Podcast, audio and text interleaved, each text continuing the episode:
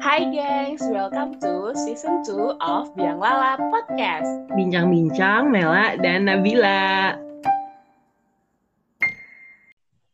Hai, balik lagi bareng kita di Biang Lala Podcast. Jadi hari ini kita bakal bawain topik cerita yang lagi booming belakangan ini. Biasanya nih ceritanya tuh viral di medsos-medsos. Contohnya kayak di Twitter gitu, banyak tuh tweet-tweet tentang bullying. Kalau menurut Mela dari sisi psikologis tuh bullying tuh apa sih?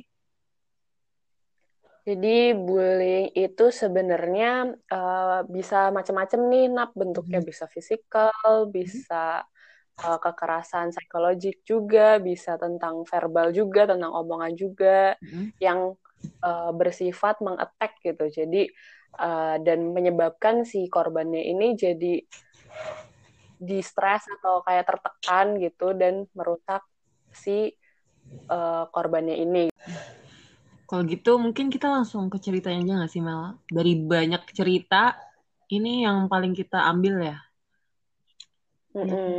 Jadi dari beberapa cerita ini ada satu cerita yang benar-benar sudah merangkum semua cerita-cerita yang masuk nih dan ini yang paling apa ya paling uh, berkesan sih yeah. menurut kita baca kita, itu gitu. kayak langsung aduh iya hmm, kan dan ini bisa relate nih mungkin hmm. sama beberapa orang oke deh aku bacain ya nap yes jadi ini cerita masuk dari dia nulisnya strip jadi anonimus uh, ceritanya gini Aku pernah dibully habis-habisan, dijadiin bahan lelucon, dan di body shaming.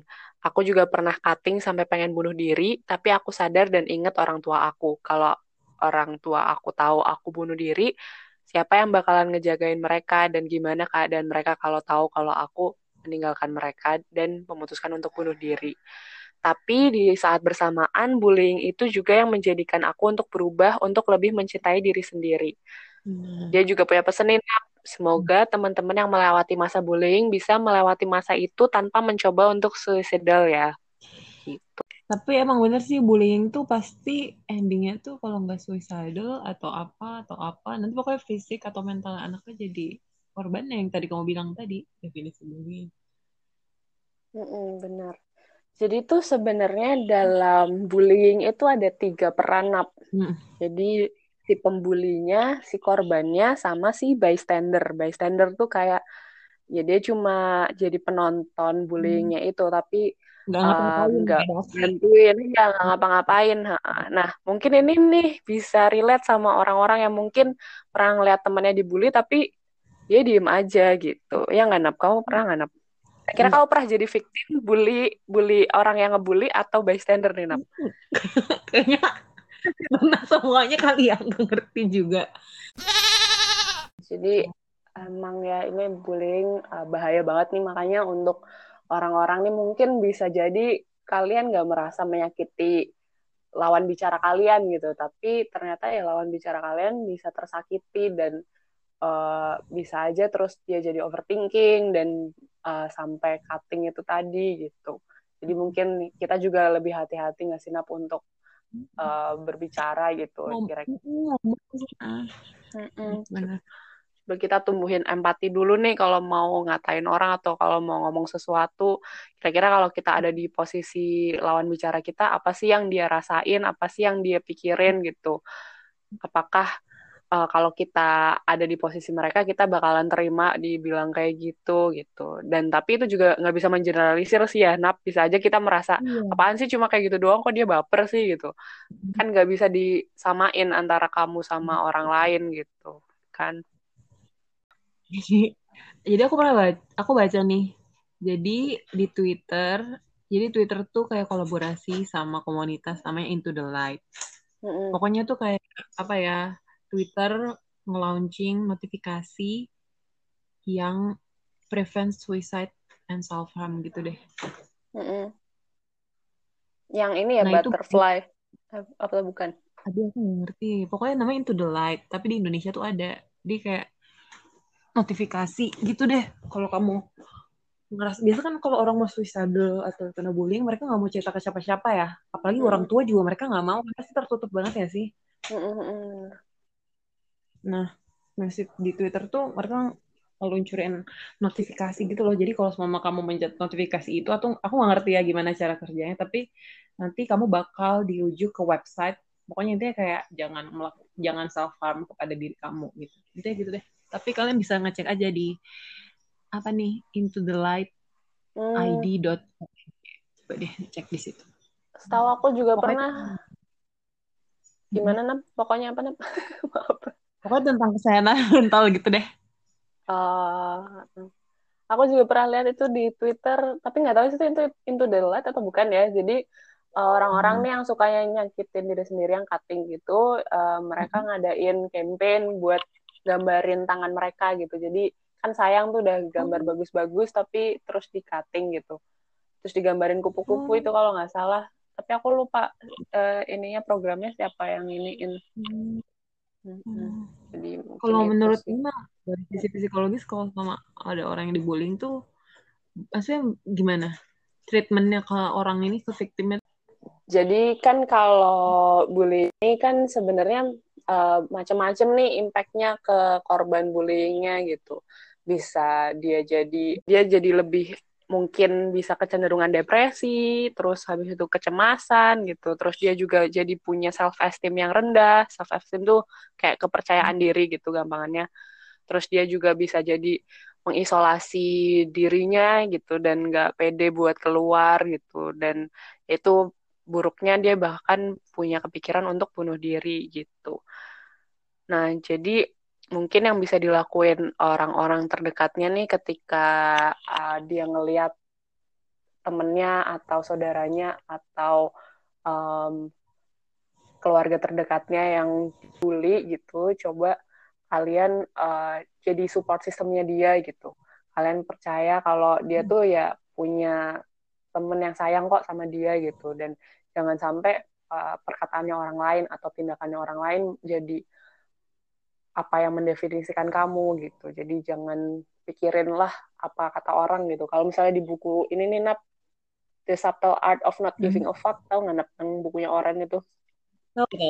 Iya, orang yang Ah, orang. di buku itu tuh dikasih tahu jadi ada tiga hal yang sebenarnya kita tuh nggak usah pikirin. Yang pertama tuh apa pikiran Hmm. orang terhadap kita, apa tindakan Hmm, orang ke kita, sama oh sama pemikiran-pemikiran negatif di masa depan yang kayak em, kira-kira orang itu ninggalin aku nggak ya? Pokoknya bagi pemikiran-pemikiran yang belum terjadi gitu, tapi kita mikirnya negatif gitu. Karena kalau misalnya kita mikirin hal-hal kayak gitu, ya muncul pikiran-pikiran negatif terus gitu. Makanya mungkin jadi ada punya pikiran buat bunuh diri itu tadi gitu. Tapi untungnya banyak sih sekarang, maksudnya kayak platform-platform yang dukung itu yang tadi kayak campaign tentang apa ya tentang bullying, self harm gitu-gitu. Mm-mm. Banyak sih film-film pun juga sekarang banyak loh. Mm-mm, mm-mm. Series Tapi tuh aku sudah 13 Reasons. ah 13 Reasons Why. Tapi aku nggak Iya kan? Ini tentang bullying. ah 13 Reasons Why kan juga tentang bullying. Mm-mm.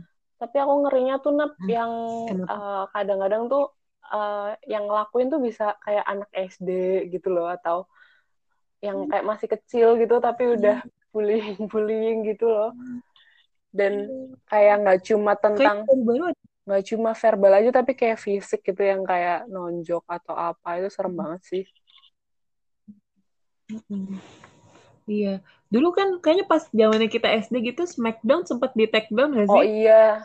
Gara-gara kayaknya ada yang pernah Kayak gitu waktu SD deh. Ingat itu ah, ah, pas Smackdown ada korbannya ditonjokin ah, gitu. Tapi jujur nap aku juga kayaknya dulu SD pernah jadi si pembuli deh nap. Tapi aku sampai aku sekarang aku sekarang sama si victim Aku- jadi sahabat nap tapi nap alhamdulillah. Oh, Iya.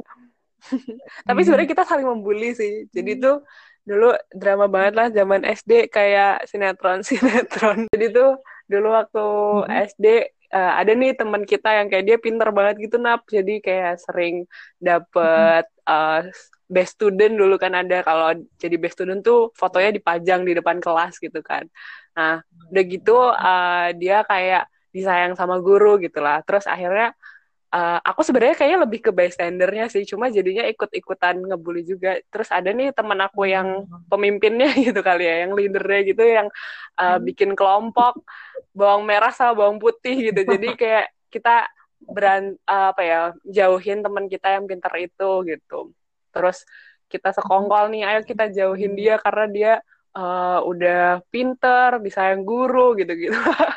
Sampai kita dipanggil ke BP terus akhirnya uh, itu kelas 2 apa ya kelas 2 SD terus dipanggil ke BP tapi akhirnya ya udah biasa lagi aja gitu kan uh, biasa lagi. Tapi terus kelas 6 malah gantian nih aku sama temenku dijauhin sama dia si victim ini. Gara-gara dia punya geng baru gitu kan. Terus habis itu ya pokoknya dulu drama banget deh aneh banget sumpah anak SD udah kayak gitu. Terus ya tapi sekarang kita temenan sih malah jadi deket banget. Terus kayak ngetawain aja kok dulu kayak gitu banget sih kita? gitu. Tapi untung bukan yang kayak bullying yang uh, apa ya yang kayak nonjok atau apa gitu enggak. Namanya cewek kali ya nap.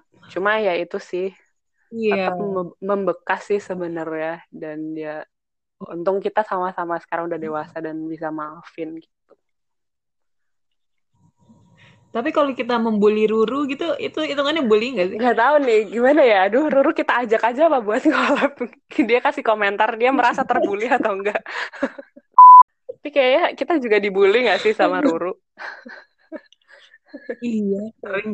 Gak sih, ya kalau misalnya masih bisa ditolerir itu mungkin nggak nggak bisa dikatain pembuli juga sih. Mungkin ya itu makanya tadi coba apakah si korban itu merasakan dirugikan atau enggak gitu. Kalau merasa dirugikan berarti kita uh, tandanya udah nyakitin dan udah ngebully itu sih. Mungkin tolak ukurnya itu ya. Tapi aku salut sih sama ini yang cerita ke kita soalnya kayak dia mikirin orang tua terus jadi nggak jadi suicidal. Mm -mm. Tapi karena kan emang benar orang tua agen pertama dalam sosialisasi. Jadi kalau ada apa-apa pasti tama yang pertama orang tua dong. Karena dia ngajarin kita apa-apa pertama paling Mm-mm. dia kan orang tua. Jadi aku salut sih sama kamu udah menceritakan cerita kamu ke kita. Berani banget tahu menurut aku dia cerita Bener. ke kita. Aku juga pernah baca nih Nap jurnal uh, tentang kalau orang tua itu emang bukan orang tua sih keluarga sih lebih tepatnya keluarga itu bisa Mm-mm. meningkatkan self worth kita gitu. Jadi merasa diri kita tuh lebih berharga ketika ya sebenarnya dari keluarga gitu. Jadi aku juga salut si anonim ini karena dia juga ingat keluarga dan dia akhirnya belajar untuk mencintai diri sendiri karena kamu tuh ya udah nggak perlu validasi orang lain untuk merepresentasikan diri Ya. kamu gitu loh. Kalau kamu tuh hebat, jadi diri kamu sendiri yang menjadi tolak ukurnya. Bener. Oke, sekarang kita pesan-pesan terakhir. Oke. Aku duluan ya. Kalau aku, menurut aku, kalau kalian jadi korban bullying, eh, cerita deh sama satu orang aja yang kamu percaya. Mau itu teman kamu atau keluarga kamu. Pokoknya reaching out for help aja deh. Itu pertama. Kedua, mulai dari sekarang kita kayak, aduh deh, ini deh, kalau ngomong dipikir dulu dua kali. Karena bisa jadi orang yang kamu bully, nanti dewasanya jadi sukses. Kebalikan sama kamu itu aja. Ingat itu. Aduh, Kamu, setuju Mel. banget, Nap. Eh, aku mungkin lebih ke ini ya, ke orang yang ngebully gitu. Biasanya nih orang yang ngebully juga dia mungkin punya masalah eh, dari dirinya sendiri gitu. Misalnya mungkin masalah keluarganya atau emang dia punya kepribadian yang agresif gitu. Jadi mungkin untuk kalian si pembuli nih eh, coba kalian em, sadarin lagi nih kira-kira kalau misalnya kalian ada di posisinya si korban kalian nih bakalan kayak gimana sih rasanya di kayak gituin gitu. Dan coba uh, kalian pikirin perluas lagi kalau misalnya tadi nih kata Nabila bilang kalau misalnya si korban nih besok kan kita nggak pernah tahu dia bakalan jadi siapa siapa tahu jadi atasan kalian atau jadi bos kalian gitu mau apa coba kalian gitu kan. Jadi oh sama ini sinap keinget nggak sih sama yang lagi rame itu yang di TikTok yang sabuk yang yang itu loh yang lagi di ospek terus diteriak-teriakin sama kakak tingkat. Mana sabuknya? Lupa. Ini gak sih? Salah satu univ di Jawa Tengah Uh, aku mana gitu nggak tahu kan? sih itu univ mana. Tapi itu menurutku juga ini sih salah satu bullying. Karena ya itu bikin orang tertekan kan padahal nggak ngaruh iya. apa-apa. Saya nggak bikin berkembang juga malah bikin stres kan. yang ini juga Mel. Dokumenter telik apa sih? Ngulik bukan. Yang hijau bu bu Tejo. Oh iya sih? iya. Aku tadi belum nonton itu loh Nap sebenarnya. oh, Aku cuma lihat cuplikan-cuplikannya aja. Adekku tadi ngomong Oh tilik Tilik. tilik ya tilik ya. kan itu dibully kan habis-habisan Mm-mm. dianya Mm-mm. Padahal apa yang dikatain dia bener ya? iya bener dan itu cuma dokumenter loh kenapa kamu bully orang ya dia kan cuma jadi Aduh, artis net jadi netizen pemain ya emang. Nah, em- iya nih iya tapi salah emang satu orang-orang yang biasa dibully ini biasanya emang karena eh, diidentifikasi sebagai yang beda gitu loh.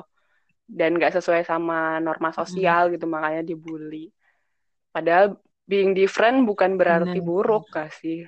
Padahal bisa jadi bener dia yang bener berani buat beda gitu. iya iya yang buat beda biasa jadi berhasil sih Betul. yakin kayak kalau kalau Iya, dan ya itu ada loh Nap di buku Iya. ini Outliers eh, tulisannya Malcolm Gladwell. Iya. Jadi eh, Outliers kan Tahu, Outliers kan ya itu kan yang di Iya. luar-luar dari kalau misalnya di distribusi normal itulah statistik. Pokoknya intinya adalah orang-orang Iya. yang outliers ini yang beda sendiri justru malah biasanya yang sukses gitu. Jadi being different uh, doesn't mean you are wrong gitu kok. Soal differentnya dalam hal positif ya. Oke deh, Iya. mungkin sampai situ dulu. Semoga geng Biang Lala yang denger ini juga mungkin yang pernah ngebully juga jadi sadar diri bahwa itu perbuatan yang salah dan coba maafin diri kalian dan minta maaf juga sama orang yang pernah kalian bully dan untuk orang yang pernah jadi korban bullying jangan takut untuk reaching for help dan uh, coba untuk belajar mencintai diri sendiri gitu karena kalian gak butuh validasi orang lain untuk uh, jadi diri kalian gitu. Oke deh, bye bye. Bye gengs, thank you for sharing and listening. Aku Mela. Aku Nabila, sampai jumpa di cerita Biang Lala selanjutnya.